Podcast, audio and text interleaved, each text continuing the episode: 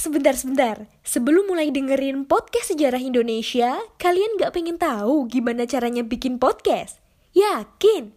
Gak susah kok. Coba deh download Anchor Podcast. 100% mudah, 100% gratis.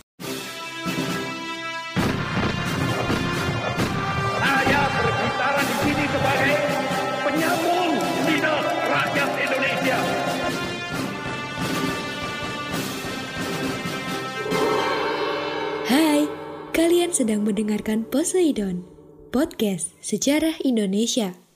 Ngomongin masa lalu dengan gaya masa kini. Hai, salam jumpa, salam sejarah.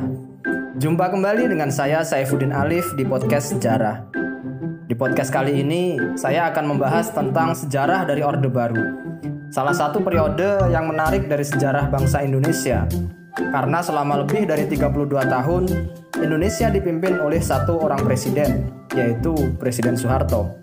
Sampai sekarang masih banyak yang menganggap Orde Baru di bawah kepemimpinan Presiden Soeharto merupakan periode kelam dalam sejarah Indonesia. Korupsi, kolusi, dan nepotisme yang merajalela di Indonesia saat ini dianggap merupakan warisan dari birokrasi masa Orde Baru. Tetapi, apakah benar demikian? Apa iya Orde Baru adalah periode kelam? Yuk kita bahas. Orde Baru adalah istilah untuk menyebut masa kepemimpinan Presiden Soeharto selama lebih dari 30 tahun. Ada yang menyebut 30 tahun merujuk pada tahun 1968 di mana Soeharto dilantik sebagai Presiden Republik Indonesia secara definitif oleh MPRS. Tetapi ada juga yang menyebut 32 tahun, merujuk kepada sikap Soeharto yang sering mengambil tindakan-tindakan yang seharusnya hanya dilakukan oleh Presiden setelah menerima surat perintah 11 Maret atau Super Semar. Kondisi ini kemudian diperkuat dengan ditolaknya pidato pertanggungjawaban Presiden Soekarno atau pidato Nawaksara oleh MPRS. Inilah masa-masa Indonesia mengalami dualisme kepemimpinan, di mana Soekarno adalah Presiden RI secara de jure, tetapi secara de facto, Soeharto lah yang dianggap sebagai penentu kebijakan di masa genting tersebut. Dualisme ini kemudian berakhir ketika Soeharto dipilih oleh MPRS sebagai Presiden RI secara definitif pada 27 Maret 1968. Setelah setahun sebelumnya, tepatnya pada 12 Maret 1967, diangkat sebagai pejabat Presiden Republik Indonesia. Mengawali kepemimpinannya, Presiden Soeharto mewarisi berbagai macam krisis dari pemerintahan Presiden Soekarno, mulai dari krisis politik, sosial, dan mungkin yang paling penting adalah krisis ekonomi. Oleh karena itu, kebijakan-kebijakan strategis dilakukan untuk menyelesaikan pekerjaan rumah yang cukup banyak. Sebelum membahas tentang kebijakan-kebijakan yang dilakukan oleh Presiden Soeharto, satu hal yang perlu kita catat adalah Presiden Soeharto menekankan pentingnya rakyat Indonesia untuk setia terhadap Undang-Undang Dasar 1945 dan Pancasila. Tema ini kemudian ditafsirkan secara sepihak untuk kemudian diimplementasikan ke berbagai macam sektor kehidupan rakyat Indonesia. Presiden Soeharto ingin rakyat Indonesia mampu bersaing dengan bangsa-bangsa yang lain dalam berbagai bidang. Oleh karena itu, tema pembangunan menjadi salah satu tema pokok yang digaungkan di masa Orde Baru. Pembangunan yang dimaksud di sini tidak saja pembangunan secara fisik, tetapi juga pembangunan kepribadian.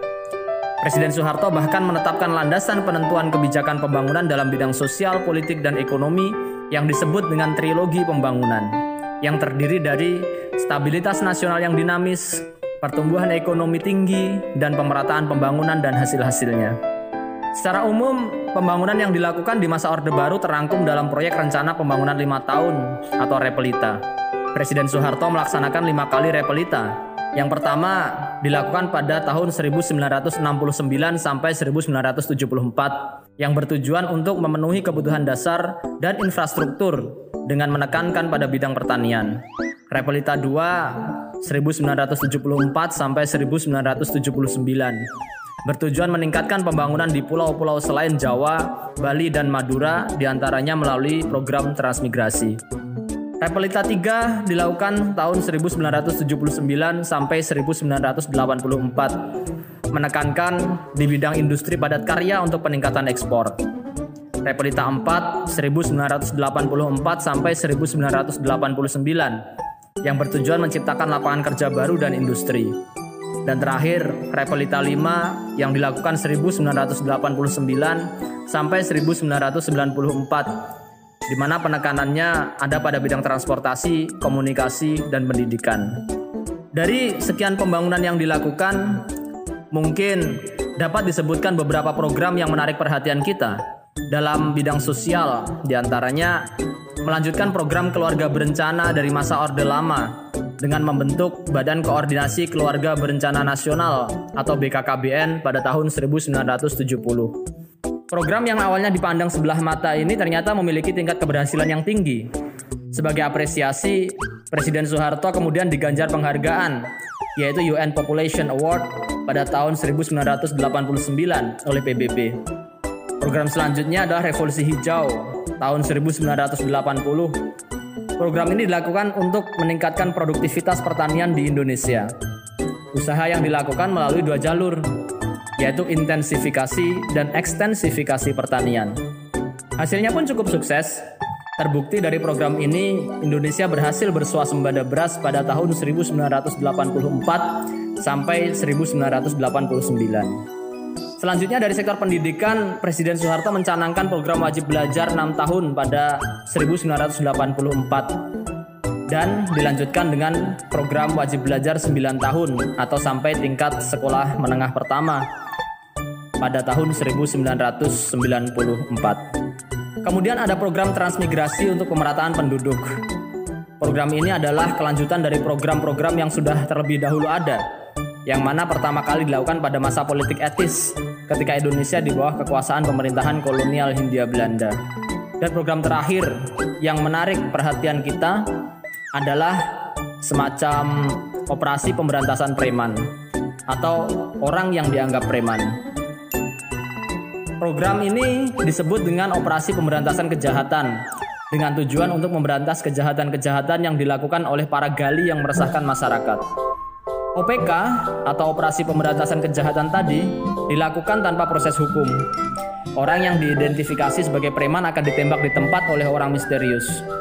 Mayat dari orang yang dianggap preman tadi kemudian ada yang dibiarkan begitu saja, ada yang dibuang ke kali, ada pula yang diambil oleh keluarganya untuk dimakamkan. Oleh karena itu program ini kemudian sering disebut sebagai penembakan misterius atau Petrus. Kemudian dalam bidang ekonomi, beberapa catatan menarik dari masa pemerintahan Presiden Soeharto adalah Presiden Soeharto berhasil memperbaiki laju inflasi peninggalan rezim Orde Lama dari 650% pada tahun 1966 menjadi 85% pada tahun 1968. Suatu prestasi yang patut kita apresiasi karena berhasil memperbaiki hyperinflasi pada waktu itu dalam waktu yang relatif singkat.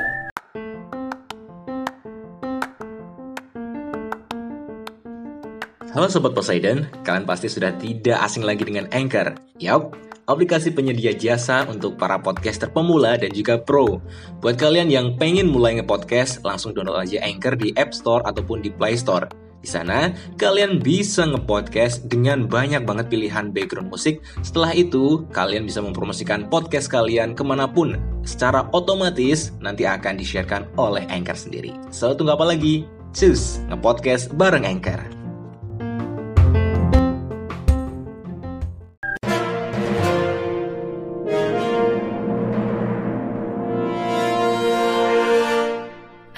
Teman-teman, saatnya kita masuk di segmen History Flash. Tahukah kalian Albert Einstein ditawari menjadi presiden Israel?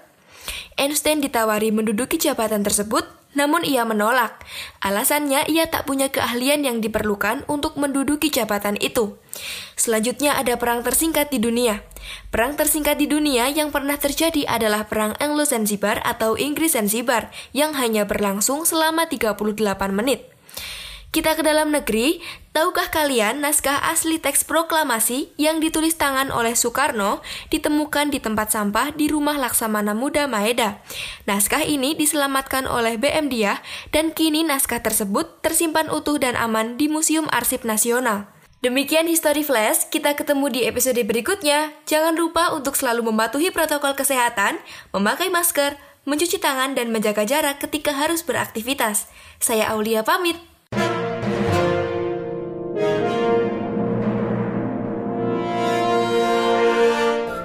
Kedua, Presiden Soeharto ikut serta membentuk Intergovernmental Group on Indonesia atau IGGI pada tahun 1967. Lembaga ini dibentuk sebagai wadah pembiayaan bersama proyek liberalisasi ekonomi Indonesia yang dilakukan oleh lembaga-lembaga keuangan luar negeri. Dana dari lembaga-lembaga itu tentu dalam bentuk hutang luar negeri, dan sayangnya Indonesia menjadi ketergantungan terhadap hutang-hutang itu. Jadi sejak awal sudah terlihat ya ke mana arah pembangunan ekonomi Indonesia ini. Ini juga menjadi alasan kenapa dikatakan bahwa sebenarnya pembangunan perekonomian di Indonesia itu dibangun di atas pondasi yang rapuh. Hasilnya nanti kita lihat menjelang tumbangnya kekuasaan Presiden Soeharto, di mana Indonesia gagal dalam mengatasi krisis ekonomi.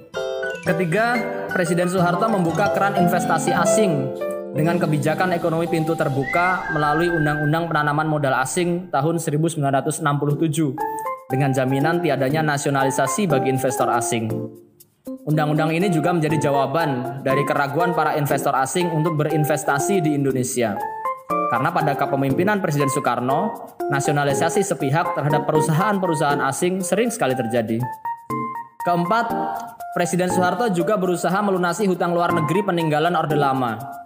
Tujuannya adalah agar mendapatkan kepercayaan untuk berhutang kembali. Kemudian, tadi sudah sekilas kita bahas bahwa Indonesia membangun perekonomiannya dengan hutang luar negeri sebagai sumber utama. Sebetulnya niatnya baik, yaitu dari kucuran dana tadi diharapkan dapat meneteskan tanda kutip air kemakmuran kepada rakyat Indonesia atau trickle down effect. Mungkin teman-teman bisa mempelajari lebih lanjut tentang trickle down effect ini. Kemudian kita bahas dalam kebijakan politik dari Presiden Soeharto. Pertama, Presiden Soeharto melakukan perampingan partai politik dari sekian banyak partai politik yang ada, Presiden Soeharto hanya memperbolehkan adanya dua partai politik yaitu Partai Demokrasi Indonesia atau PDI sebagai perwakilan dari kelompok nasionalis dan Partai Persatuan Pembangunan atau P3 sebagai perwakilan dari kelompok Islam. Tetapi ada satu lagi peserta pemilu yang bukan partai politik, yaitu golongan karya. Golongan karya sendiri sebetulnya adalah partai politik, hanya saja tidak mau mengakuinya. Pada masa Orde Baru, para pegawai negeri sipil dan anggota ABRI, yaitu TNI dan Polri, diwajibkan untuk menjadi anggota Golkar.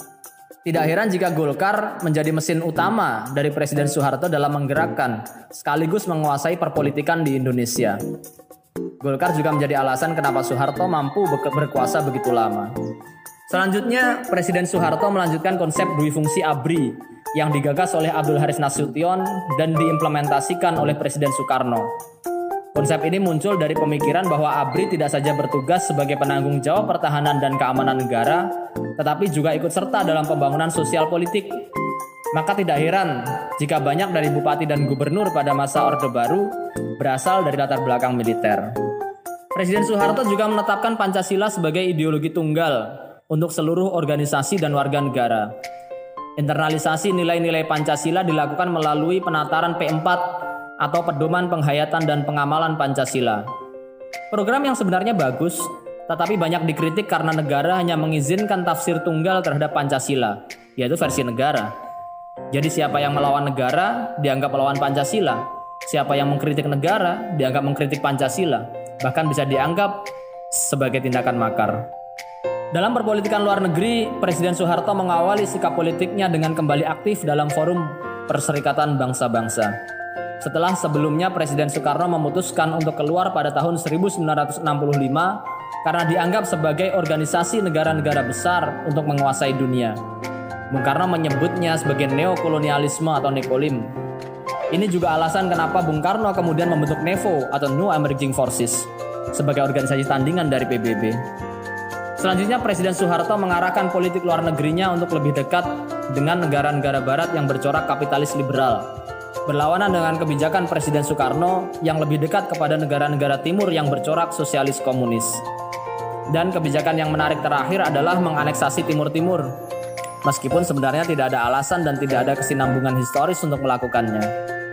Dengan segala macam kelebihan dan kekurangannya, Orde Baru akhirnya harus tumbang pada 21 Mei 1998 setelah demonstrasi besar-besaran oleh rakyat Indonesia yang diiringi dengan kerusuhan di berbagai daerah di Indonesia.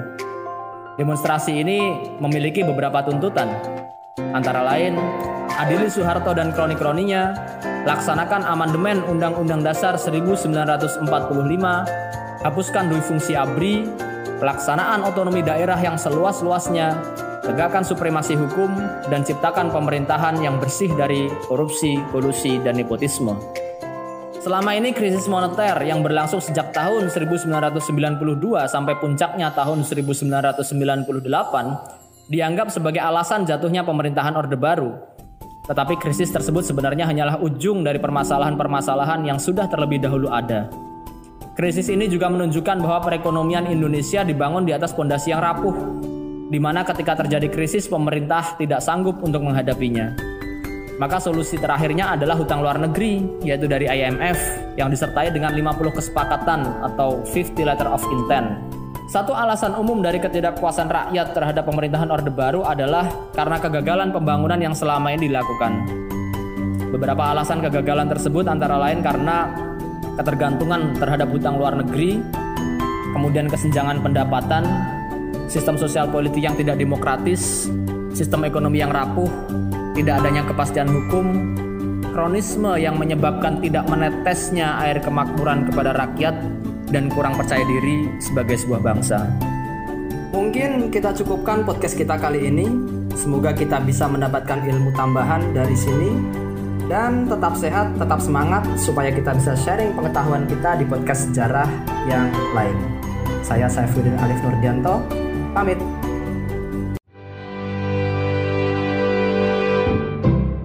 Terima kasih.